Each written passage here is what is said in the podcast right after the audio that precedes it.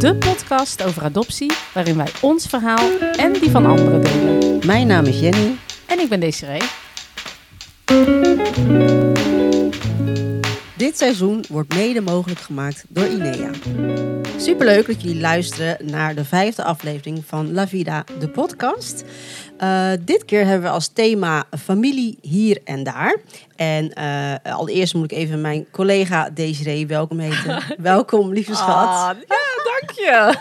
Jij ook? Ja, dankjewel. En we hebben te gast Nikwi en Miranda. Superleuk dat jullie er zijn. Um, Nikwi, om te beginnen, wil jij je even voorstellen?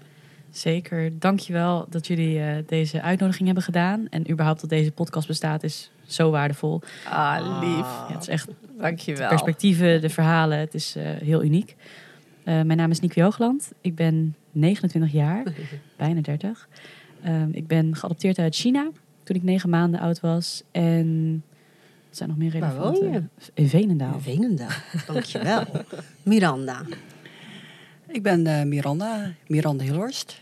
En uh, ik vind het superleuk dat ik hier uh, mag komen zitten om mijn verhaal, adoptieverhaal te vertellen. Ik ben 53, al behoorlijk belegen. en, dat zeg je zelf, hè? Zijn jouw woorden? Ik krijg van huis uit boomer naar mijn hoofd geslingerd. Dus wat dat betreft is het redelijk mild. Ik ben uh, geadopteerd uh, in 1975 ben ik aangekomen in Nederland uit Korea. En uh, ik woon in Hooglanderveen. En dat is gemeente Amersfoort. Ah, Goed, kijk. super, dankjewel. Um, wij zijn altijd wel benieuwd naar um, wat je naam voor jou betekent. Nick, wie, hoe is dat voor jou? Wat betekent jouw naam voor jou? Oeh, ik vind dat zo'n mooie vraag. Want ik denk dat naam zo'n belangrijk item eigenlijk is in je leven... zonder dat je het soms doorhebt. Omdat ja. je wordt ermee geroepen, je wordt ermee grootgebracht. Um, er zijn gewoon verschillende... Er zijn verschillende, zeg maar, ver, uh, verhalen over een naam. En mijn verhaal begon denk ik het meest uh, bij iets wat ik niet wist. Namelijk de naam die me gegeven is door mijn biologische ouders. En die ken ik natuurlijk tot, op, tot voor kort nog niet. En dat is Lifang. Of eigenlijk Lifang. Mm. En die Mooi. naam vind ik heel fijn. Ja. Alleen zo ben ik niet opgegroeid. Ik ben uh, gekomen bij een weeshuis en toen ben ik, heb ik de naam niet twee gekregen. Hecht ik geen waarde aan. En mijn ouders in Nederland konden dat niet uitspreken, dus toen werd het Nikwi. Oh. Uh, N-I streepje, hoofdletter K, W-I. Oh. Nou, niet te doen natuurlijk voor uh, docenten die dachten altijd, wie, wat moet ik uitspreken? De ni, de kwi, allemaal. dus dat werd verwarrend. Toen werd ik een tijd Nikki, N-I-K-K-Y. Dat oh. weten niet heel veel mensen, maar dat is okay. uh, een geheimtje wat ik niet meer koester, dus hallo. en daarna is het Nikwi geworden, dus N-I-K-W-I aan elkaar. En daar hecht ik dus ook veel waarde aan, omdat dat een deel is van mij van in ieder geval 20 plus jaar. zo, heb, ja, zo heet ik. Wauw, wow. mooi verhaal. Ja. ja, dankjewel. En voor jou, Miranda? Um, het is voor mij een heel actueel thema. En zo actueel dat ik uh, heroverweeg mijn naam te veranderen. Um, bij mijn voornaam beginnend uh, is Mijung. En dat is een voorname dat uh, gewoon in de paspoort staat. Dus het houdt me eigenlijk niks tegen om te gebruiken in dagelijkse zin. Maar ik merk aan mezelf dat ik gewoon heel erg aan moet wennen omdat ik gewoon nog steeds uh, aangesproken word en genoemd word als Miranda.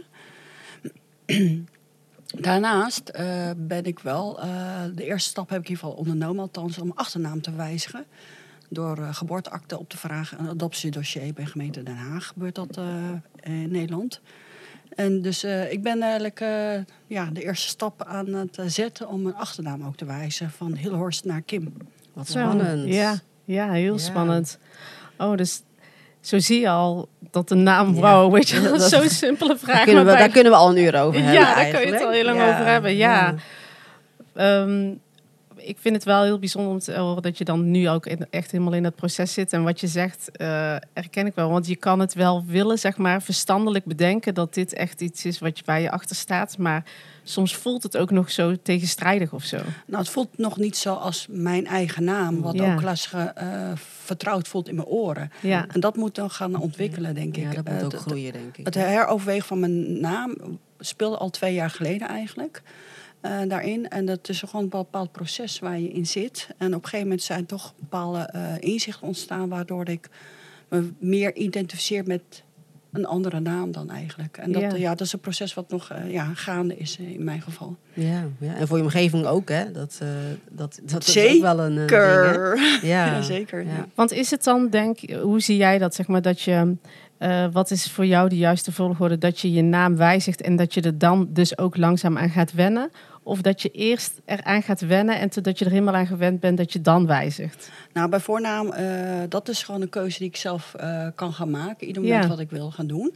Bij achternaam is op een gegeven moment, als het eenmaal geformaliseerd is, is dan geen keuze meer. Dat ook, dan moet je ook gaan gebruiken, want ja. het gaat op een gegeven moment ook uh, opgenomen Staat worden. Staat ook overal op officiële documenten. Ja. Precies, dan moet je op een gegeven moment ook gaan gebruiken. En op één manier heb ik daar veel minder moeite mee met mijn achternaam.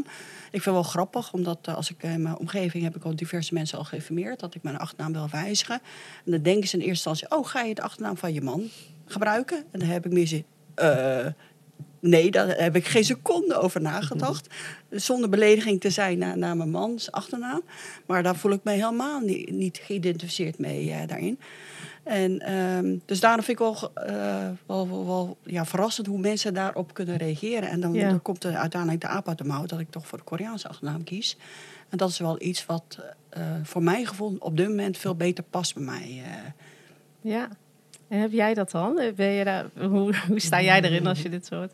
Ja, ik vond de, de vraagstelling ook wel heel mooi van jou, deze. Van, is het dan zo dat je eerst moet wennen aan je naam en dat je dan pas wil wijzigen? En voor mij werkt dat zo. Want ik heb dus in mijn paspoort staan niet twee en dan nog wat Nederlandse namen van mijn vader hier gekregen. Uh, Selena Astrea. Nou, weet iedereen ook al mijn tussennamen. maar ik heb best wel getwijfeld, omdat uh, lang geleden wilde ik sowieso al meer betekenen voor ook andere geadopteerden als het gaat om wijzigingen in paspoortwijzigingen of het gaat om geboortedatum, geboorteplaats. Er zijn best ook nog wat geadopteerden die geboorteplaats onbekend hebben in hun uh, paspoort ik was eigenlijk ook zo'n kind. Alleen mijn vader heeft toen destijds een rechtszaak uh, aangegaan. Uh, en ook gewonnen. Dus daarom staat mijn provincie er nu in. Maar daar ben ik niet happy mee, want ik kom niet uit een provincie. Je bent niet geboren in Zuid-Holland of je bent niet geboren in Noord-Holland. Dan ben je geboren in Hilversum of in ja. Rotterdam of een andere plek. Um, en ik heb daar recentelijk uh, stappen op ondernomen. En ik ben een beetje aan het einde van het proces. Dus dat mijn paspoort gewijzigd gaat worden. Um, Naar Nikwi, dus N-I-K-W-I. Livang, Selena Astrea Hoogland. En een uh, geboorteplaatswijziging. Oh, zo. Oh, bijzonder. Mooi. Ja. En hoe voelt dat? Onwerkelijk. Ik denk, ik had überhaupt nooit durven dromen dat ik mijn biologische familie zou vinden. En dat het dan dit soort dingen teweeg brengt. We gaan het er later zeker ook nog wel over hebben, verwacht ik. Maar dat is iets puurs. Het maakt je veel echter als persoon. Het maakt je. Het is meer jij, meer, ja. pas meer bij je identiteit. Ja, het geeft echt waarde aan je bestaansrecht. Ja. En wil je dan ook nog iets veranderen aan je roepnaam? In de zin van, wil je ook nog anders aangesproken gaan worden? Nee, ja. Ik ben dus net terug van China. Ik merkte wel dat dat weer dingen liet, liet opwaaien. Dat ik dacht, oké, heb ik nu de goede beslissing gemaakt door Nikwi Livang te doen? Voor nu sta ik daarachter. Hm. Maar ja, wie weet dat dat wijzigt in 10 jaar, 20 jaar. Ja, je kan natuurlijk altijd nog, denk ik, uh, uh, hoe zeg je dat, bedenken om je roepnaam anders te gaan gebruiken. Precies, dat dat Livang wordt, ja. Maar nu nog niet. Nee, nee, nee.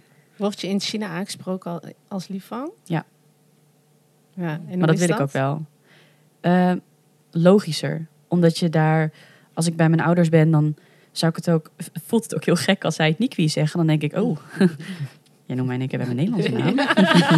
Hallo. dus ik vind het helemaal logisch en prima. En, en normaal zeggen ze ook gewoon daughter in plaats van de naam. Net zoals dat je mama, papa zegt en niet echt de ouders namen zegt. Um, dus dat is oké. Ja, mooi. Ja, heel mooi. Ja. Nou, mooi verhaal al. Nou, Zo. jeetje. We zijn nog niet eens echt begonnen. Nou, echt, hè? Jeetje. Um, ja, dit seizoen uh, hebben we ook iedereen gevraagd om iets uh, persoonlijks mee te nemen. Hè? Eigenlijk iets wat een symbool staat voor een stukje in ieder geval van je adoptie. Nou, dat hebben we ook aan jullie gevraagd. Uh, Nicky, wat heb jij uh, meegenomen? Ja, ik heb iets meegenomen wat voor meerdere sym symbolieken staat. Mm -hmm. um, ik heb een horloge, een horloge meegenomen. En dit horloge heb ik um, gekregen van mijn broertje in de afgelopen China-reis. Uh, ik heb hem maar echt een halve dag kunnen zien. Maar hij heeft me dit gegeven. En ik denk dat dit dus voor zoveel dingen centraal staat. Dus het staat letterlijk centraal voor tijd. Namelijk, we hebben soms, het voelt soms alsof je een beetje leeft op borrowed time af en toe. Ehm, zeker als één kindpolitiek kind zijnde, weet je gewoon dat er ook dingen plaatsvonden zoals abortussen. Ik weet dat mijn moeder ehm, gedwongen eigenlijk een abortus had moeten plegen van mij. En dat weten maakt wel dat je tijd kostbaarder wordt. En hetzelfde geldt voor deze horloge. Ehm, het is een item van mijn broertje, dus het geeft mij heel veel liefde. En, en, en het geeft me ook weer tijd. Het staat op Chinese tijd, dus het staat niet op Nederlandse tijd. Want het is je Chinese broertje. Ja, ja, ja, ja. zo, ik ben enigszins kind. Dus ik heb inderdaad, als ik ooit over broertjes, zusjes praat, dan zal het uh, in China zijn. Ehm, en dit is dus een memoire, een herinnering, zeg maar, van hem. Wauw. Wat mooi. Ja. ja. Krijg er kippen van. Ja, heel gaaf. En wat doe je daarmee met dat horloge? ja, de mensen die mij kennen, die weten dat ik heel slecht ben met sieraden. Dus ik probeer hem dagelijks te dragen. Um, dat is uh, één dag goed gegaan. En daarna dacht ik al, oké, ik neem gewoon mee in de tas. Maar ik zal hem zo weer uh, omdoen.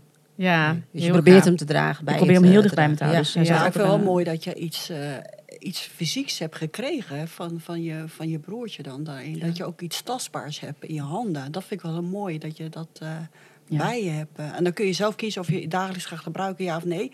Maar je hebt iets, iets, tastbaars, iets tastbaars uh, bij de hand. En dat vind ik heel mooi.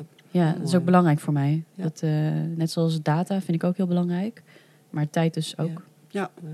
Heel mooi. Dankjewel, uh, Miranda, wat heb jij uh, meegenomen? Nou, ik heb eigenlijk uh, twee dingen meegenomen.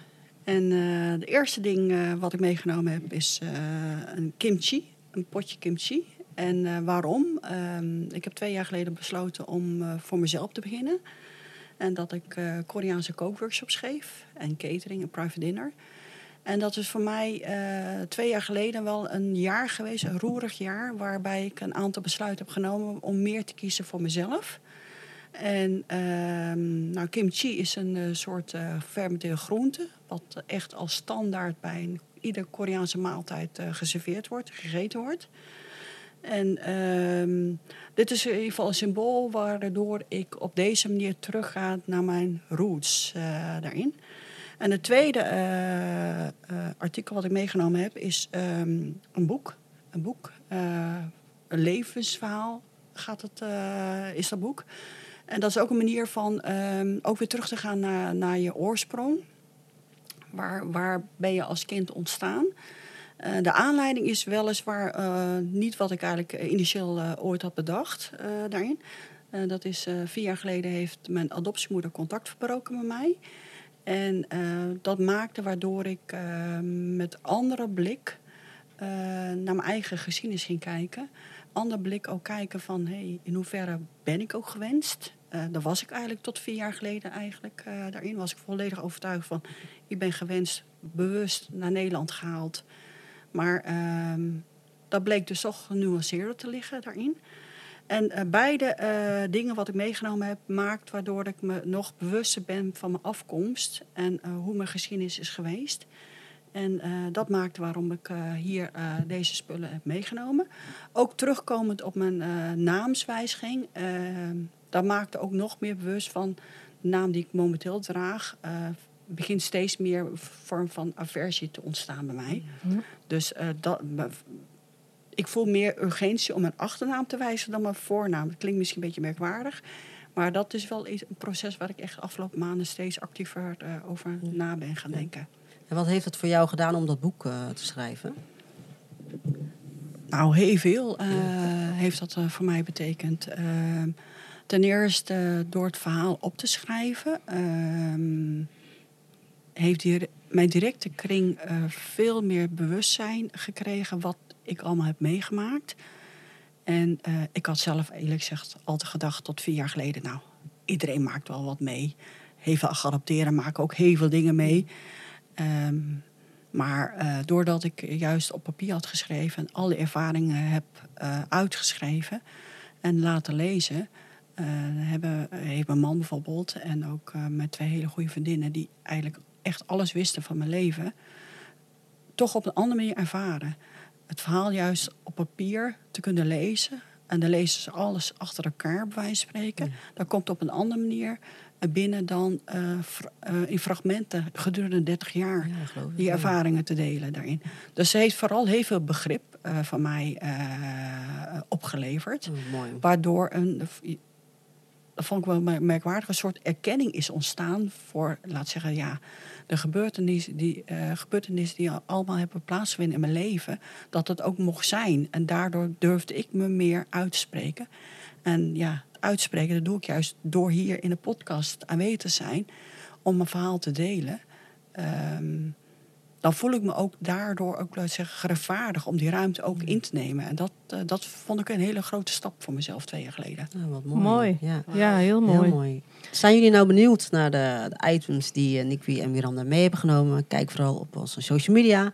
Daar zullen we een foto van plaatsen van deze mooie, bijzondere items. Ja, en even goed om te noemen misschien uh, je boek, Miranda. Hoe heet het boek? Oh, dat heet Wees. En als subtitel Moederliefde onder voorwaarden. En waar kunnen we die vinden? Uh, op mijn website, mijnlevenservaring.nl. Maar hij is ook verkrijgbaar op allerlei andere sites als bol.com, Bruna en dergelijke allemaal. Heel Super. goed. Maar het is nog niet als uh, luisterverhaal of luisterboek wel? Nee, Moet je echt even doen. Nee, nee, nee. nee. okay, niet alles tegelijk kan. Dat is in mijn hoofd. Oh. Als e-book ook in mijn hoofd. Ja. Uh, nou, dat komt dan nog ja. misschien. Het verdient het echt. Het verdient het echt. Nou, dat is Dank wel heel mooi. Dank ja. je, Wat ik wel heel bijzonder vind, want daar gaan we eigenlijk vrij uh, luchtig overheen, is um, uh, wat uh, fijn lijkt mij het dat jij ehm, zo fijn kan koken in, in de gerechten vanuit je moederland. Ja, deze en, heb je een goede Ja, en dat je daar zo um, zelfverzekerd in bent, dus dat je dat eten ook deelt.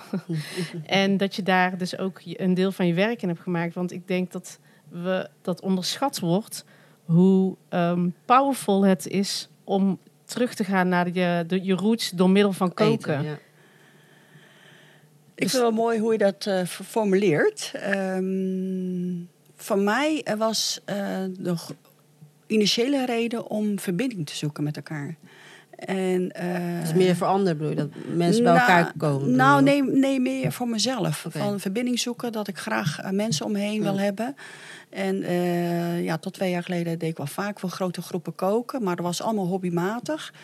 En uh, wat ik straks al zei, twee jaar geleden uh, kwam ik in een situatie terecht waar ik uh, grondig ging nadenken. Wat wil ik nou eigenlijk verder met mijn leven? Hoe wil ik verder invullen? In hoeverre kom ik dichter bij mezelf? Wat ik, waar ik in ieder geval heel blij van word, waar ik meer energie uit haal. En dan merkte ik wel dat Koreaans, Koreaanse keuken, wel mij heel erg blij maakt. Van, dat vind ik lekker. Maar laat ik ook heel eerlijk zijn, Desiree, van ik ben uh, geen super-expert op het gebied van Koreaanse keuken. Maar uh, ik ben wel uh, bereid om zelf het een en ander uit te proberen. En ik moet toegeven, ik werd wel eerlijk gezegd lichtelijk gestimuleerd door mijn dochters. omdat zij toen de tijd verschillende vriendinnen hebben die heel erg fan zijn van K-pop. Ah, ja. En dat maakt waardoor ik bewuster werd van dat uh, Korea uh, wel, laat zeggen, een bepaalde populariteit, populariteit heeft in, in de westerse wereld. En dan specifiek in Nederland uh, daarin. En als ik Koreaans wilde eten, is toch heel vaak dat Randstad of Oplezen Hooglanderveen, dan moet ik toch daar naartoe. En ik wilde op deze manier vooral andere Nederlanders kennis laten maken met deze keuken. En in mijn beleving is hele laagdrempelige keuken wat je ook vrij snel, ook makkelijk thuis kan maken. En uh, dat was voor mij de manier om nou, de Koreaanse kookworkshops aan te bieden. Heel mooi. Ja, super tof. Um, de Korea inderdaad is, uh, hoe zeg je dat, weer bijna een trend. Gewoon alles wat met K-pop, K-beauty. Heb ik ook een poging toe gedaan. Skincare, heel belangrijk. Ja, ik weet het, kijk, ik heb ook een poging gedaan. Ja, ik zit helemaal door de uitslag. Ik zit even mijn uitslag te laten zien. ik ben afgestraft. K-beauty is niet mijn ding. Je hebt een andere huidtype waarschijnlijk. Ja, Maar ook K-drama, van, de, dankzij Netflix, dat uh, dat soort uh, programma's steeds toegankelijker wordt voor echt veel, veel mensen eigenlijk. Ja, maar super fijn, super leuk ook, omdat het dan voor jezelf ook dichterbij komt. Hè? Dus dat is wel echt heel tof. Ik herken het ook wel, want toen mijn tante uit Colombia hier was, afgelopen vorig jaar. Ik was nog nooit zo gelukkig in mijn keuken, zeg maar. Want dan stond ik met mijn tante Colombiaanse gerechten te maken. En mijn kinderen ook, die waren zo happy. En die vragen ook, mama, maak je dit weer, maak je dit weer? Vooral de arepa. Dat is een typisch Colombiaans recept. Uh, is erg populair bij mijn kinderen. Ook tegenwoordig bij Desiree, als ik het maak. Uh, Ze maar, geeft zichzelf gewoon complimenten. Ja, dat, ik zelf niet meer te doen, dat doet jij die zelf wel. Bescheidenheid, mensen. nee, maar dat was een periode echt dat ik... Ik, ik, ja, ik kan me niet herinneren dat ik zo gelukkig was in mijn keuken. Dan kan ik soms nog wel een soort van... Daar heb ik echt heimwee naar. Terwijl ik nog steeds in mijn eigen keuken sta. Maar dat op die manier koken en die regelmaat, dat lukt dus gewoon niet. Nou ja, nou, bijna niet, laat ik zo zeggen. Het is gewoon moeilijk, ja. Maar daarentegen voelt bij mij soms wel een bepaald ongemak. Uh, als ik bijvoorbeeld, uh, ik noem het voor het eggie koken, voor de Koreanen zelf. Oh ja. Oh, ja. En, uh, en, dat is voor mij, een, ik, ik ervaar het als een next level. Want ik moet zeggen, ik heb heel veel mijn eigen gemaakt. En als ik voor andere Koreanen moet klaarmaken, dan vind ik het best wel spannend. Extra druk, kan ik me voorstellen. Ja, Van, dat is in ieder geval iets wat, wat, wat, wat ik extra spannend vind. Maar ik moet zeggen, ik heb wel positief feedback gekregen van onder andere Koreaanse opdrachtgevers. Oh, van bedrijven. en dan denk je, nou, dan zit ik toch op het juiste spoor. Ja. Hoe is dat voor jou, Nicky? Ja, ik denk dat eten sowieso ook in de Aziatische cultuur zo'n belangrijk aspect is. Ik denk voor heel veel inderdaad andere culturen, maar zeker ook omdat het gaat om soms liefde. Uh, ja. Ik heb destijds, ik heb in 2020 een uh, stichting opgericht. En dat begon eigenlijk ook allemaal initieel met heel veel dingen als verbinding. Dus waar jij het over had inderdaad, uh, Jen. Is, wij wilden toen dumplingdagen creëren om samen te komen in een traditionele sfeer. Um, zonder dat we gelijk echt te traditioneel daarin gingen. Hoe heet je stichting even? Stichting Adoptiepedia. En, um, ja, even, da, da, ja. daar mogen we even bij stilstaan. mag best genoemd worden. Want Adoptiepedia is wel echt... Daar hebben wij vanaf het begin af aan echt met bewondering Zeker. naar zitten kijken. dacht ik, wie is die meid? Wat doen ze die allemaal dit allemaal neerzet? Zeker. Wat voor mega organisatie zit daarachter? Ja.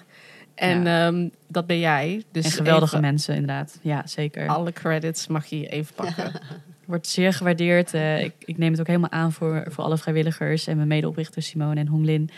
En um, we hadden dus de dumplingdagen. We hadden het uh, geluk dat Ruben Telau ons vond. En dat we dus in de eerste documentaire konden zitten van de wereld van de Chinezen. Wow. Dat was een van onze eerste mediadebuut momenten. Maar het ik denk dat het feit van dat je dus samen als geadopteerde een connectie probeert te maken met je land, door inderdaad in dit geval een dumplings te vouwen, dat is zo uniek. En ik denk dat het zoveel uh, laagdrempeligheid en, en verbinding en bewustzijn biedt voor je eigen zelf, dus je identiteit, dat je Chinees mag zijn, of dat je Koreaans mag zijn, of dat je Colombiaans mag zijn, maar in ieder geval dat je dat mag omarmen. Ja, ja dat Mooi. vond ik wel heel bijzonder. Mooi gezegd. En jij zei net even heel snel van ja, uh, binnen de Aziatische cultuur uh, eten, ja, dat is uh, liefde. Kan je dat een beetje toelichten? Ja, dus kijk, ik heb dus niet, ik ben niet opgevoed met Chinese ouders, maar ik weet wel dat als ik daar ben en ik kijk bijvoorbeeld misschien even wat verdrietig, of ik ben misschien even wat meer zagrijnig, dan krijg ik gelijk eten. Um, of ja, precies, dan wordt het in je mond geschoven van eet nou meer dat is ook eigenlijk meer de. van zorgen ook, ja, denk ik. Hè? Ja. Eet meer. Dat is, dat is eigenlijk van, ik, hou, ik vind je zo tof en weet je, je, verdient zoveel. Hier, eet meer. Dat is dan de ik hou van je of de we hebben je gemist. Of, ja, het is echt een taal, hè? Ja, ja, ja mooi. En dus hier heb je geleerd in Nederland te communiceren. Het is op een andere manier, want ik, ik, ik herken het wel een beetje. Ik heb een Aziatische schoolfamilie en dat, daar wordt alleen maar gepraat. Eten, eten. Ja, via eten bij wijze van. Ja. Um, ja. mooi dat je dus van beide, je krijgt dus best of both worlds. Ja, ik schrijf nu altijd hutspot binnen bij mijn vriend. Dan zeg ik gewoon, eet meer. En dan, uh, omdat ik van je hou. Omdat ik van je hou, ja. Nou, mooi. Hey, we gaan naar de stellingen. Zeker. We hebben, zoals de vorige keer ook, um, gaan we stellingen bespreken. Um, we hebben een aantal stellingen bedacht voor jullie. En we beginnen met de eerste. Uiterlijke herkenning draagt bij aan het familiegevoel. Aan het familiegevoel? Dus als je bij familie bent, hier of, of daar. Geboorteland. Ik zal me herhalen. Uiterlijke herkenning draagt bij aan het familiegevoel. Ik, ik, ik, ik herken wel in bepaalde mate toen ik mijn biologische families heb ontmoet in 2000, Ja. dat was het eerste moment dat ik zelfs is, oh, ik zie mezelf op een bepaalde manier Ja. terug. Dus dat familie, eh, de her- uiterlijke herkenning dan, op die manier ervaar ik het wel op dat soort momenten dan. Ja. Ja. Ja. Ja. Ja. Dus eigenlijk ben je het dan eens inderdaad, toch? Ja. Met Ja. Ja. Ja, ik denk ook als ik hem inderdaad breder zou trekken, dan zie ik sowieso wel dat in China daar lopen, daar ben je nooit de uitzondering. En ik denk dat dat feit, ik ben er afgelopen reis weer achter gekomen, dat het zo'n impact maakt op hoe je dus functioneert dagelijks, hoe je wakker Mhm. wordt. En de onveiligheid die je dus hier hebt. Ik zat laatst weer dan in, eh, eh, in een ruimte, laten we het even anoniem houden. Ik zat in een ruimte. en ehm, nou, daar zaten allemaal eh, witte mensen eh, naast mij. En er is gewoon een man die loopt langs. En die loopt eigenlijk gewoon heel erg ja, achterloos langs bij andere mensen. En die kijkt mij echt, nou, wat is het, 15 seconden lang aan. En dan loopt hij weer door. En mijn partner die zat naast mij, die zei ook van... Het is zo maf weer om hier weer te zijn. En dat waar ik dan in China zo wordt aangestaard... want hij is wit, even voor context...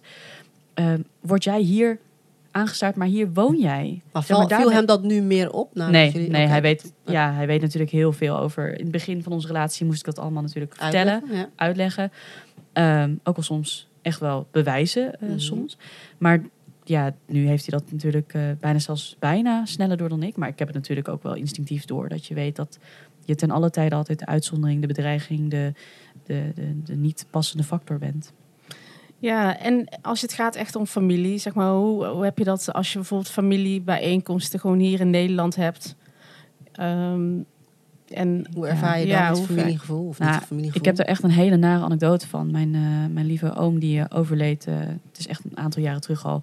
En toen hadden we de begrafenis. En ehm, ik liep achter mijn nichtjes en mijn neefje aan eh, de, het restaurant binnen waar je dan de con- condoleance hebt.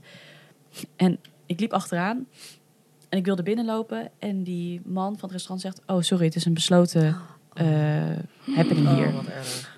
En mijn nichtjes, die trokken mij mee naar binnen, gelukkig ook. Want ik was gewoon too stunned to speak. Ik dacht Oh, echt, wat wat is dit? Je bent al zo op zo'n Ja. emotioneel moment... ehm, hoop je met elkaar te kunnen zijn. En dan word jij dus als uitzondering eruit gepikt van... Jij kan daar niet bij horen. Nee, verschrikkelijk. Dat kan toch niet? Ja. Nee, dat Nee, jij daarbij ja. hoort. Ja, Ja. dat is wel een... En eh, heb je dat gevoel ook los van wat buiten, zulke ongelukkige situaties, hè, die met buitenstaanders, gewoon überhaupt? Hoe ervaren jullie dat? Zijn jullie heel erg bewust van jullie uiterlijk binnen jullie eh, adoptiefamilie? Ik noem het even adoptiefamilie, maar Ja, steeds meer. Ja. Ik, wilde, ik hoopte dat het eigenlijk minder uitmaakte. Dus je maakt ook echt een soort narratief voor jezelf. Dat als je jonger bent, dat je denkt... ach, het zal wel niet dat of dat zijn. Maar je merkt toch echt op lange termijn dat het uitmaakt. ja. Wat Ja. ik eh, vooral merk is dat ik meer durf toe te geven dat het ook is. ja. Ehm, tot een paar jaar geleden had ik echt het gevoel van... ik voel dat het anders is, maar ik heb nog geen, niet, nog geen woorden aan kunnen geven... of ik durfde niet toe te geven dat het anders is. En ik merk in dagelijkse zin bepaalde situaties... benoem ik het thuis met mijn man... en dan merk je gewoon dat hij nog een, een ander blik naar bepaalde eh, si- eh, ja, situaties kijkt. En ik heb in ieder geval inmiddels durf ik daar wel meer woorden aan te geven van dat je daardoor ook anders voelt in bepaalde settings, omgeving, in werksituaties of in openbare ruimtes eh, daarin. Dus ja, ik, ik denk dat ik wel meer bewust, bewuster van ben. Ja. Ja, Ja. ik herken dat wel, ook zo, zeker binnen familie. En wat jij zegt, dat andersom, dus mijn familie hier in Nederland, die wil dat bijna vanuit liefde ontkennen. Zo van, je, nee, je hoort er gewoon bij. We houden van jou, je bent echt ons nichtje. Dat. En dat voel, ik voel ook wel dat zij dat voelen of zo. Maar ik denk, ja, maar mijn gevoel wordt dan bijna een soort van ontkend of zo. Omdat ik dat niet heb. Want als ik daar ben bij mijn familie, hoeveel ze ook van me houden. En hoeveel, ik heb nooit bij hun het gevoel van jullie zien mij anders. Dat heb ik nooit gehad. Maar ik heb mij wel altijd anders gevoeld. En als kind heb ik dat inderdaad wel minder gehad. Maar naarmate je ouder wordt, als ik daar dan tussen zit, dan kijk ik gewoon, dan zie ik gewoon, ja. Het past, ik pas niet in dit, in, als ik hier een foto van heb, ik pas niet in dit plaatje. Weet je, je, je her- herkent natuurlijk helemaal niks. En het zijn gewoon ook zo, zulke andere mensen. En ik vind dat af en toe wel pijnlijk, omdat het ergens wil je dat niet voelen. Eh, maar ja, dat is, dat is het wel, toch? Ja, het ik is gewoon heel krampachtig. En dat is gewoon Ja. jammer. En ik Ja. denk dat het mooiste geschenk wat iemand überhaupt kan geven, of het nou partner, familieleden of iets is, is het er uh, mogen zijn. Ja. Dus dat jij, wat wij ook voelen, dat dat gevoel er gewoon mag zijn. En dat dat niet uh, hoeft weggebagatelliseerd te worden. Um, dat je niet krampachtig hoeft vast te houden aan misschien ideeën die ik wellicht ook wel tien jaar geleden had. Maar dat heel mijn zienswijze nu er gewoon mag zijn. En dat als ik dus kennelijk me een, uh, nou, misschien wel een buitenbeentje soms voel, dat dat oké is. Dat je dat niet voor me hoeft te fixen. Dat we gewoon daarin mogen zitten samen. Dat mag. Ja, en dat je misschien ja. mijn hand vasthoudt of een knuffel geeft. En zegt, ik hou van je, Nick. Punt. Ja, mooi. Dat is een mooi advies ook. Ja, Deze, hoe is dat voor jou? Nou, ik zat te denken, ik, uh, ik heb ook nog wel een um, cringy anekdote. ja, dat is, was ook echt lang geleden. was op een familieweekend of zo, waren we met z'n allen weg. En um, uh, het was iets, nou in ieder geval, uh, mijn opa die uh, nam toen het woord en die wilde iedereen bedanken. En daarna ieder fijn dat iedereen was, alle kinderen, alle kleinkinderen. En jullie ook fijn dat jullie er ook zijn. Jullie oh, dan word je apart oh, nog benoemd. Ja, in alle liefde. Ja. Want hij vond het zo fijn. Dat je er was. Maar op dat moment voel je je gewoon... Toch anders. Nou Toch ja, er niet bij horen. Je wordt gewoon letterlijk wordt aan de kant gezet. Ja. ja. Ja, dat vond ik... Uh, dat bevestigde voor mij wel. Van ja, Heb je dat dit ook ligt gezegd? niet aan mij. Nee, ik, ik zat er net te denken... Heb ik dit al wel eens met mijn ouders besproken? Ja, ik denk het wel. Dit heb ik al wel eens... Mijn, mijn opa leeft niet meer. Mm. Um, dus ik, ik heb dit wel eens besproken, maar ja, dit is ook wel. Ik vond dat ook wel lastig om te bespreken Is met mijn ouders, want het is Ja. zijn, weet je wel, het is de, hun ouder, weet je wel. Dus uh, ja, het is, Dus een ongemak wat je ook ervaart dan uiteindelijk. eh. ja, en ook, um, ik hoef niet te horen dat het niet zo is. Snap je? Als je het erover gaat hebben. Ik weet dat um, uh, mensen gaan dit, um, hoe zeg je dat, willen weerleggen. Ja. Want uh, hij, hij, hield van ieder. Het, weet je wel, ik ga mijn opa niet afdoen, want het was, uh, ik kan niks bij aanmerken. Maar dat hoeft ook niet, want het was gewoon zo. Weet je wel? En ik weet ook wel dat hij van me hield. Maar het, dit was wel de situatie. En precies wat jij zegt, Nicky. Zullen we dat gewoon accepteren dat dat zo is? Ja. En dat dat dan voor mij uh, pijnlijk is? Maar en dat, is dan ik zo. Ik denk dat dat de mensen onderschatten hoeveel dat al kan doen. Wat exact, jij zegt, gewoon letterlijk erkennen. Oké, okay, de erkenning geven aan dit ja. is het. En dus het niet weg willen nemen van Yes. dat gevoel. Ja, want Ja. dan voel je je Dat weer niet serieus en niet erkend. Ja. Wat ik dan in ieder geval, als ik van zo'n zo, zo situatie benoem, dan krijg ik uh, geregeld uh, opmerking terug. Ja, maar er wordt goed bedoeld. Ja, ja. Mhm. ja. En dat, Ja. dat word ik wel Ja. laatst tijd steeds allergischer op. Ja. Op dat soort Ja, uitspraken. we zielden zoveel voor jou. Iedereen was zo gek op jou. Ja, Ja. Ja. dat was ook. Maar ik was ook anders. Zullen we dat eerst even erkennen? Mag dat gewoon zo zijn? Ja. ja. Mag ik er dus gewoon zijn? Maar ik denk dat Ja. jij, maar ik denk dat het de ongemak eerder bij de, bij de, Ja. bij de andere partij zit. 100 procent. Ja. Dat is met heel veel dingen en met Ja. heel veel oordelen en heel veel keuzes of aannames. Het zijn gewoon. Het is allemaal gefundeerd op altijd je eigen ervaring, op je eigen afwijzing, op je eigen Ja. manier van leven. En dat maakt soms het zo lastig om te communiceren met elkaar. Omdat eh, ook in het adoptieveld, ik haal hem er toch nog even bij. Maar het is, iedereen heeft zo'n andere zienswijze. En dat is echt helemaal oké. Ik ga jou Is niet erop zeker. oordelen. Ik ga, we hoeven er niet een hele heftige discussie van te maken. Als het gewoon duidelijk is dat jij een andere mening draagt dan ik. Precies. Maar ik blijf altijd naar je luisteren. Omdat ik Ja. dat zo, dat vind ik zo waardevol. Juist ook. Ik denk ook dat het voor adoptieouders of adoptiefamilie eh, voelt als een soort van falen. ehm, als zij eh, moeten erkennen dus dat jouw kind is opgegroeid in een omgeving waar hij zich niet altijd heel erg prettig heeft gevoeld. En ehm, dat wil natuurlijk geen enkele ouder. Dat is nooit de intentie natuurlijk geweest. Nee, de intentie is nee, zeker niet. Nee. Maar eh, om te concluderen van ja, dit, eh, ehm, dit was op sommige vlakken ehm, echt heel eh, eenzaam of pijnlijk voor mijn kind geweest. En, dat, en die situatie hebben wij als ouders gecreëerd.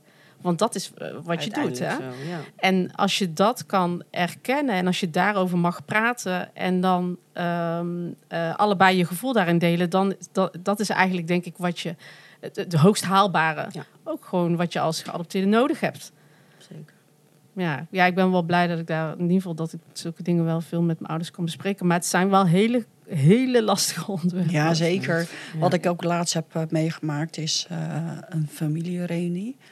Ehm was een, een bijeenkomst met alle familieleden. Eh, sinds een, een aantal jaren in verband met COVID was dat een- nooit eerder zo'n situatie geweest. Ondanks dat er verschillende sterfgevallen waren, eh, hadden zich voorgedaan. Maar wat ik in ieder geval meekreeg, is dat en dat maak ik even een zijstap hoor. Dat de uitzending van documentaire Afval Chinees uh, een aantal familieleden daardoor een bredere blik kregen over adoptie. Oh. En daardoor ook meer mij proberen te begrijpen waar ik tegenaan liep. En dat vind ik wel hele boeiende gesprekken dan. Zullen we even context geven? De afhaal Chinees, want mensen denken nu... hebben jullie eten afgehaald met elkaar? Als mensen die de documentaire niet, kennen. Gezien, zijn er waarschijnlijk bij, maar goed. Ja. Kan je vertellen... Uh... ja, na, na zomer in uh, augustus, september is een vierdelige documentaire uitgezonden op NPO uh, bij Omroep Zwart. Het heet Afval Chinees. En uh, er is een grote, belangrijke rode draad in die documentaire, waarbij een uh, Chinese geadopteerde vrouw uh, zich als afhaal-Chinees eigenlijk voelde. Maar die vertelt hoe haar zoektocht is binnen Nederland om achter te komen wat haar afkomst is. Maar daarnaast heeft ze ook heel goed beeld gegeven, veelzijdig beeld in mijn beleving over adoptie. Uh, wat het betekent voor uh, geadopteerden, wat het betekent op alle andere aspecten. En uh, dat bedoel ik mee te zeggen van in mijn directe omgeving, van familie bijvoorbeeld, heb ik geval teruggekregen dat door het zien van deze documentaire, dat ze mij iets meer begrijpen waar ik tegenaan loop, waar ik mee worstel. En dat helpt mij weer om weer zo'n gesprek te voeren. Wat jij heel mooi kan doen met deze, uh, deze met je ouder, met adoptieouders. En uh, dat was voor mij ook een soort instrument om daar met elkaar een gesprek aan te gaan. Wat mooi. Heel mooi. Ja. Nou, wat ik nog even wilde op terugkomen, want de stelling was dus eigenlijk Oh, ja. Uiterlijke herkenning draagt bij aan familiegevoel. Dus we hebben allemaal een punt gehad dat we terug zijn gegaan naar onze biologische familie. Die zie je, daar heb je interactie mee. En draagt dan het feit dat je meer op elkaar lijkt. Ondanks dat je elkaar eigenlijk nog helemaal niet ja, kent. Hè? Bij aan een familie, echt het familiegevoel. Oh, ik vind het zo lastig. Omdat familiegevoel is natuurlijk ook weer zo multi-interpretabel. Ja, nou, voor jou dan. Hoe jij, je mag hem zelf... Uh, ik voel me heel erg thuis met mijn broertje. Ook. Chinese broertje, ja. nogmaals. Dus, ja. En dat is een klein deel omdat we op elkaar lijken qua uiterlijk, maar een heel groot deel omdat we lijken op elkaar qua innerlijk. Ja. ja. en dat geeft een heel vertrouwd gevoel. Ja. ja. En hoe is dat? Want heb jij nog meer familie gevonden?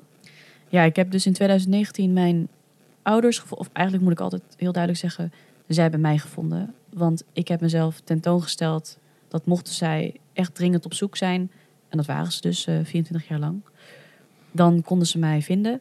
Dus ik heb mijn ouders gevonden, mijn oudere zus, mijn jongere zusje, die tevens is geadopteerd in China, en mijn jongere broertje. En waarom noem jij specifiek alleen jouw broertje, als ik vragen mag? Hoe zit dat dan met de rest van de familieleden? Als je daar iets over kwijt wil ja, ik zit na te denken over wat het inderdaad nou precies dat verschil maakt. Omdat ik er eigenlijk recentelijk achter ben gekomen dat die band zo anders is met hem dan met de anderen. Want toen ik in 2019 ze ben gaan bezoeken, was ik juist heel hecht ook met mijn oudere zus, uh, met mijn vader heel erg. Ik hoefde eigenlijk niet zoveel te weten van mijn moeder. En dat was omdat mijn eigen moeder net was overleden in Nederland. Dus er was een supergroot loyaliteitsconflict en er waren superveel plekken die ik niet met een nieuwe tussenhaakjes moeder wilde opvullen. Oh, wat ingewikkeld. het was super intens. Ik heb, uh, als ik daar aan terugdenk, denk ik, wauw, ik had echt niet moeten gaan. Mhm. Maar ja, dan, dat weet je ook allemaal niet. En ik ben gelukkig gegaan, want toen daarna corona, dus ja. gelukkig. Um, maar ik denk dat het aspect maakt van mijn broertje dat uh, hij, hij zo puur is. En ik probeer in ieder geval ook altijd puur te zijn. En ik denk dat mijn zus bijvoorbeeld heel erg beïnvloed is door de Chinese um, maatschappij. En mijn ouders ook. En mijn zusje, die is sowieso al echt een vreemde eend in de bijt, omdat hij dus geadopteerd is in China en dat voor haar ook heel veel ingewikkeldheden heeft opgeleverd. Dus ik vind het ook misschien soms lastig om met haar te connecten. Uh, de eerste zin die tegen mij zei, namelijk toen ik uh, gevonden was, was: Ja, ik weet niet of ik je wil zien, want ik dacht dat je dood was. Oh ja. Oeh. Dus dan weet je niet. Ja, dat is wel een ongelukkige start eigenlijk. Het is een ongelukkige start. Ja. Nou ben ik dus nogmaals heel open daarin. Dus ben ik daarna heb ik zitten denken: oké, hoe ga ik dit contact verder hmm. voortbouwen? Want ik ben niet iemand die dat dan laat zitten. Dus dan heb ik gezegd, uh, en uh, even los daarvan, hè, hou je van eten of van, uh, weet je wel, hou je van dieren, muziek, zullen we dat eens uitwisselen? En toen zijn we heel langzamerhand uh, in contact van geraakt. Ja. ja. Ja. En hoe is het, want jij hebt je familie gevonden, droeg de uiterlijke herkenning bij aan het familiegevoel. Ja, stelling 1, hè? Wat ik, ja, wat ja, ik, wat ik al deze. ja. Wat ik straks al zei, toen, toen ik uh, voor het eerst mijn familie had ontmoet, dan herken je jezelf ook terug bij de andere familieleden. Dus ja, het vergroot wel een familiegevoel. Daarentegen uh, heb ik wel mixed feelings uh, daarin. Ik, ik merkte ook een enorme aarzeling bij jou, uh, Nick, wie daarin. Van familiegevoel, wat is familiegevoel? Familiegevoel vind ik zowel niet bij mijn adoptiefamilie als bij mijn Koreaanse familie.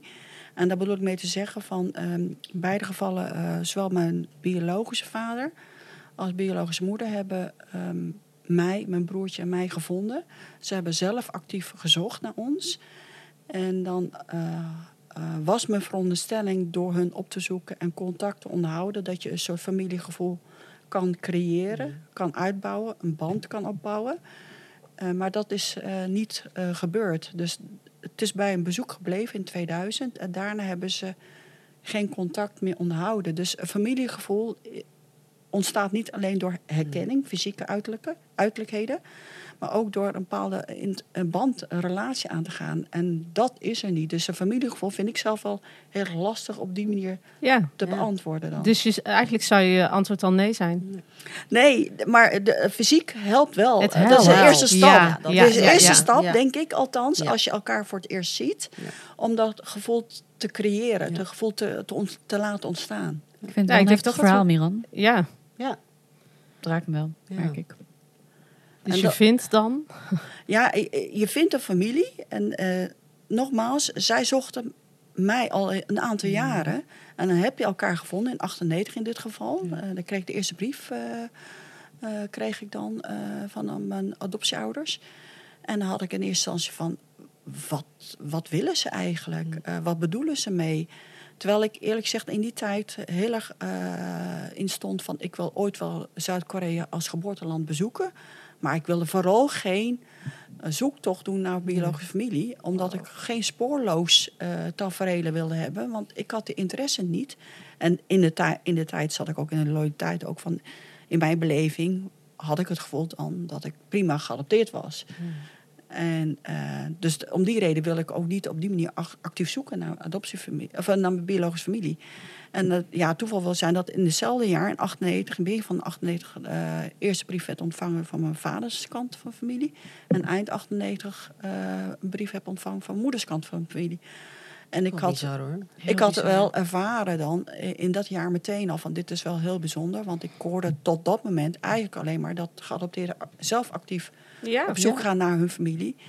En uh, ik heb zelf ervaren van het wordt op een soort presenteerblaadje aangereikt. Ja, wat bijzonder. Ja. ja. Maar niet helemaal het juiste moment, zo te horen. Toen. Nou ja, nou, toen de tijd niet op die manier. Maar goed, ik stond er wel open voor. Dus ik ging toch uh, in op die correspondentie. En uh, nog sterker gezegd, ik, uh, we hebben ook besloten om uiteindelijk hun ook te bezoeken toen in 2000 naar Korea gingen. Het was mijn huwelijksreis. En mijn huwelijksreis heb ik ooit tegen mijn man gezegd van... nou, dan wordt het Korea. Een ander land wordt het niet, want ik wil het land wel ooit bezoeken. En we hadden echt zoiets van uh, eind 99 uh, meer van... nou, we zijn toch in de buurt. Dan gaan we ze ook uh, bezoeken. En dan, ja, dan gaan we ze ook, laten zeggen, ontmoeten daar. En vooral mijn vaderskant van familie was, vond ik heel plezierig contact. En maakt wel, omdat een aantal familieleden Engelse taal beheersten, dat maakt heel veel uit in de communicatie daarin. En mijn Koreaans is echt heel beroerd, laat ik maar zo zeggen. Dus het helpt totaal niet. Um, daardoor maak je ook laat zo makkelijker contact als je daar uh, elkaar ontmoet. Mijn moederskant van familie ging dan via een tolk. En, dan merk je gewoon veel moeizamer dat uh, contacten verlopen. Maar goed, na een maand rondreizen in Korea uh, ga je weer naar huis. En dan probeer je dan die contact te onderhouden. En dan heb ik het gevoel gehad toen de tijd in uh, 2021 dat je wederom weer afgewezen wordt door in dit geval door uh, biologische families van beide kanten. Zo heel heftig. heftig ja. ja. Hoe ga je daarmee ja, hoe ga je daarmee om? Ja. ja. Ja, ehm, ik begreep gewoon in eerste instantie niet. In combinatie van ze hebben zelf actief gezocht naar ons. En dan vervolgens uh, geen contact meer onderhouden. Dat begreep ik gewoon helemaal niet. En uh, dat is wel heel erg lang uh, ja, in mijn achterhoofd gebleven. Een aantal jaren daarin. Op een gegeven moment ja, gaat het toch naar de achtergrond. Word je toch in beslag genomen door je dagelijkse leven. Hier in Nederland daarin. Dus, maar het, is wel altijd in mijn achterhoofd gebleven. Van een vorm van afwijzing naast je adoptie is bij mij wel nog steeds zo'n thema wat weer om de hoek kwam zeilen in 2000. ja, ja. voorstellen. Ja. Um, ja, ja, heel heftig. Ontzettend. Daar kunnen wij ons. Hier, ja. We kunnen hier ook nog heel lang met elkaar natuurlijk over hebben, omdat dit zo aangrijpend is. Nou, ik, ik, ik bedoel me aan te geven van. Um, ik hoor van verschillende geadopteerden in mijn kring van dat is een soort uh, missie, een levensmissie, hè, om biologische familie te mm. zoeken. Uh, maar ik denk dat dit een stap is in je leven, de zoektocht. Als je eenmaal biologische familie gevonden hebt, dan begint weer een nieuw hoofdstuk, ja, een nieuwe stap in je Absoluut. leven. Want dan, uh, ik denk dat jullie ook in je vorige podcastaflevering ja. hebben duidelijk gemaakt hoe ingewikkeld ja. daarna weer kan Absoluut. zijn. Nou, dat leidt nooit, ons wel misschien naar de volgende, volgende stelling. stelling. In verband met de tijd dacht ik, zullen we die pakken? Ja, ja? dat is goed. Um, de stelling luidt: contact met je biologische familie wordt geromantiseerd.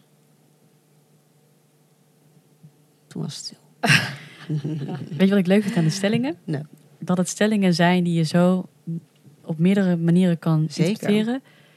En zit ik te kiezen, ga ik voor de manier van hoe ik het zelf zou doen? Of zou ik zeg maar, hoe ik hem meer denk dat jullie hem interpreteren? Nee, nee, doe nee, vooral hoe jij, hem, hem interpreteert. voelt. Ja. Oké. Okay. Ja.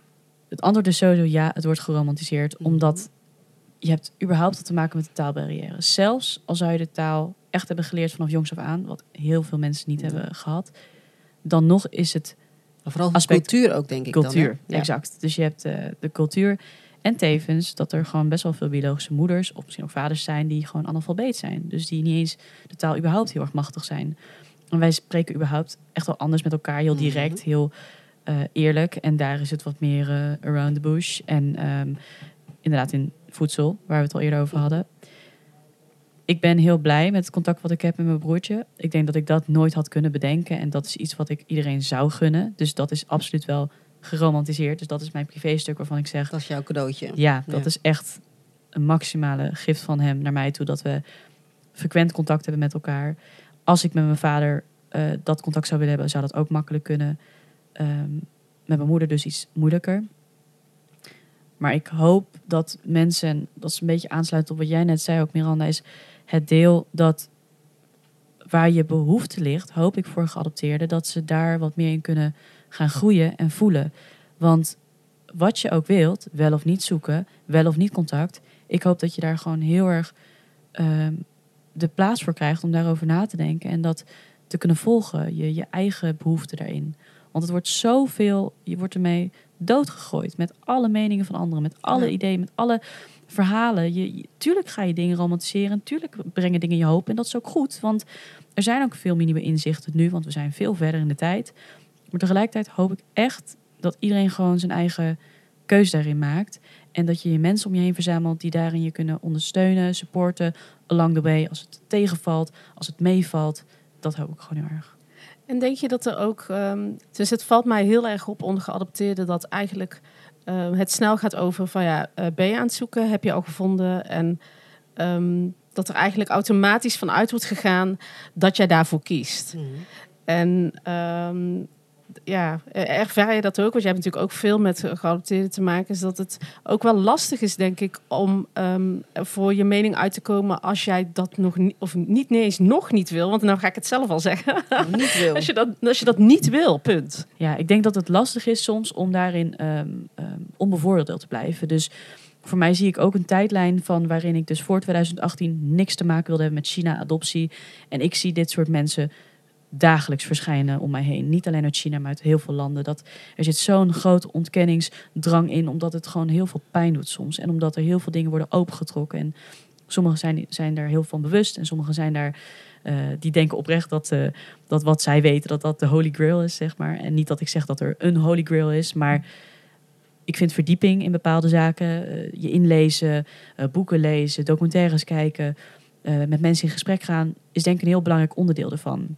Dat maakt misschien dat je het dan wat minder gaat romantiseren, kan ik me voorstellen. Ja, je leert gewoon meerdere perspectieven kennen en daardoor kun je je eigen hopelijk je stem geven in wat jij zelf heel erg belangrijk daarin vindt. Ja. Maar ik ben het wel in dat opzicht eens dat um, ik zou iemand wel hopelijk uh, de meeste informatie willen bieden als die om in ieder geval een gedegen keuze te maken om wel of niet te gaan zoeken. Ja. Uh, maar ik ga er niet standaard vanuit dat iedereen zoekt. Nee, het is, nee. Het is, maar ik hoop wel dat er een gedegen keuze wordt gemaakt. Ja, precies. Ja, ja mooi. Miranda.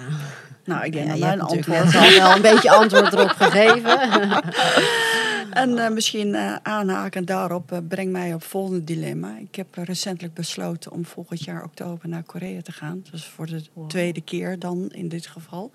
En dan komt die vraag weer levensgroot ja, weer naar boven drijven. Van, ga ik dan als ik Korea ga bezoeken ook mijn familie opzoeken?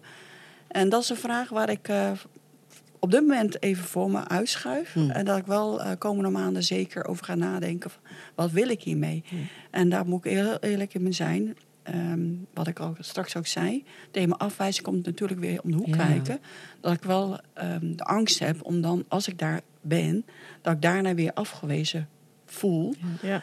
Uh, maar ik laat me ook laten zeggen informeren door, uh, ik noem het maar de Korea-kenners, die al uh, vaker naar Korea zijn gegaan schijnt ook gebruikelijk te zijn, de Koreaanse cultuur.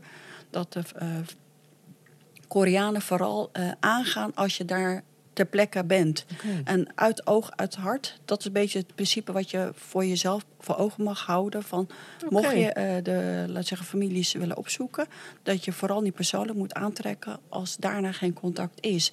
En dat heeft mij, uh, dat inzicht van de, sinds de zomer, mij uh, geholpen om ja, met een ander blik te kijken. van, dat niet, niet die afwijzing persoonlijk hoeft te, uh, te zijn, maar dat het meer een cultuuraspect is. Maar zo zie je ook wel hoe belangrijk dat stukje is. Het stukje cultuur, als je het hebt over de, het romantische beeld... wat je wel of niet hebt eh, van je familie ontmoeten.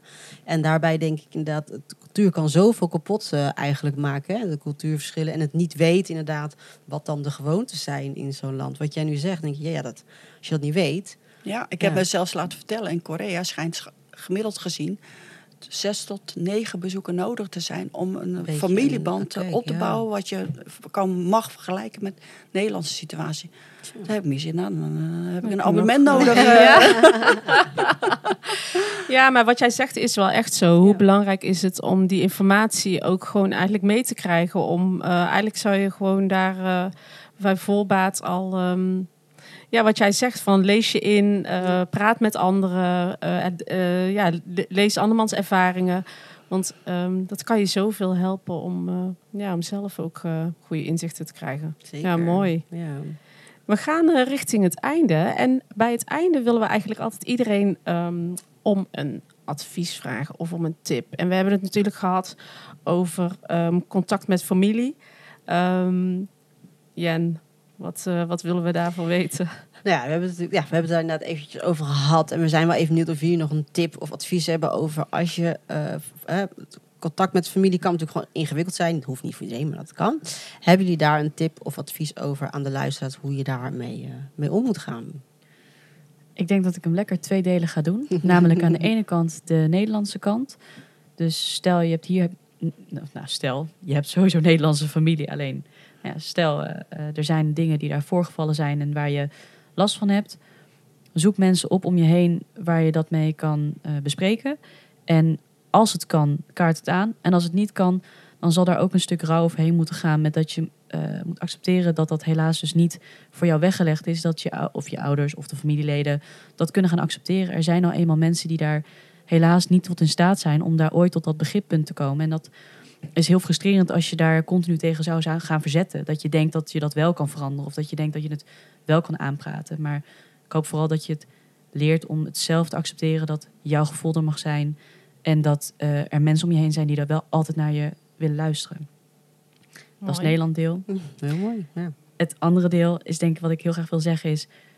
Ehm, er zijn heel veel jonge Chinese geadopteerden. Ehm, en sowieso de jonge geadopteerden. Ik merk dat er heerst een heel groot generatieverschil ook. Tussen, nou ja, überhaupt hier aan tafel al, maar uh, ook van kennis. En ik denk dat we, laten we een open vizier houden. Als je wel op zoek bent naar je biologische familie, dan zie ik in ieder geval heel veel potentie voor uh, verschillende manieren. En weet gewoon dat er inderdaad ook organisaties zijn, zoals ook een INEA, die daar heel veel verstand van proberen te krijgen over hoe kun je landen goed analyseren. Inderdaad ook met alle cultuurwaarden. Um, hoe ga je veilig, gezond, goed naar je land toe? Um, hoe zijn zoektochten goed uh, te doen in het land? Wat, wat zijn echt legale manieren bijvoorbeeld? Dat is gewoon heel fijn om daar naar te kijken als je een zoektocht wilt starten. Want het, er zijn echt wel heel veel organisaties, partijen die dit al hebben uitgezocht of bezig zijn met uitzoeken. En die zijn er voor je. Ook met psychosociale ondersteuning. Nou, mooi. Mooi advies. Ja. En Miranda, een gouden tip. nou, gouden tip. Um, ik vind zelf uh, contact onderhouden, relatie onderhouden met de Nederlandse familie heel ingewikkeld. Uh, ook gezien mijn voorgezin is. Uh, contact onderhouden met de Koreaanse familie vind ik ook ingewikkeld. Wat mij wel heeft geholpen is juist meer andere geadopteerden op te zoeken.